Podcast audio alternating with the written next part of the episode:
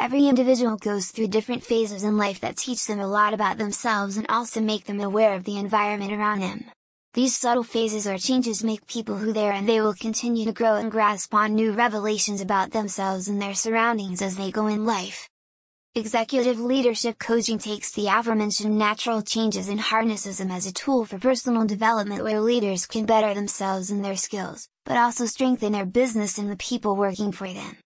These leadership coaching skills when imparted on the incumbent, have far-reaching benefits for leaders and their employees, and once the leader is equipped with the knowledge to improve and develop, their companies and organizations follow suit. Executive leadership coaching can be perceived as developing and improving skills to aid career growth, but the implications of such coaching are far more beneficial than just individual growth. The positive effect of great leadership can be felt throughout the organization and leadership skills and business success and its goals are linked very closely together. Let us have a deeper look into what executive leadership coaching can do for leaders and businesses. Understanding executive leadership coaching. To break it down to its simplest form, executive coaching is fostering crucial skills that can aid leaders in acquiring personality traits and habits that go with the position. It is a form of professional training but far more complex because it urges people who are empowered to become effective leaders while they change the foundations of the company to be more lucrative, healthy, and happier.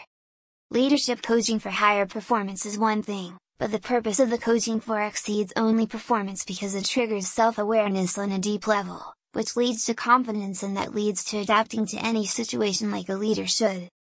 Other benefits of executive leadership coaching include quintessential leadership skills that are necessary to run a company and when the company is doing well, the credit goes to the leadership and that in return earn the respect of others. Apart from self-development, let's take a look at how a self-aware and confident executive can help the business as a whole. Challenging weaknesses and harnessing strengths. Executive leadership coaching can help you take a deeper look at yourself.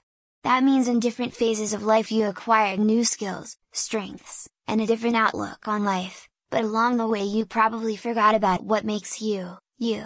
This is where the coaching helps to make you understand what you're good at, and what exactly you can work to improve on.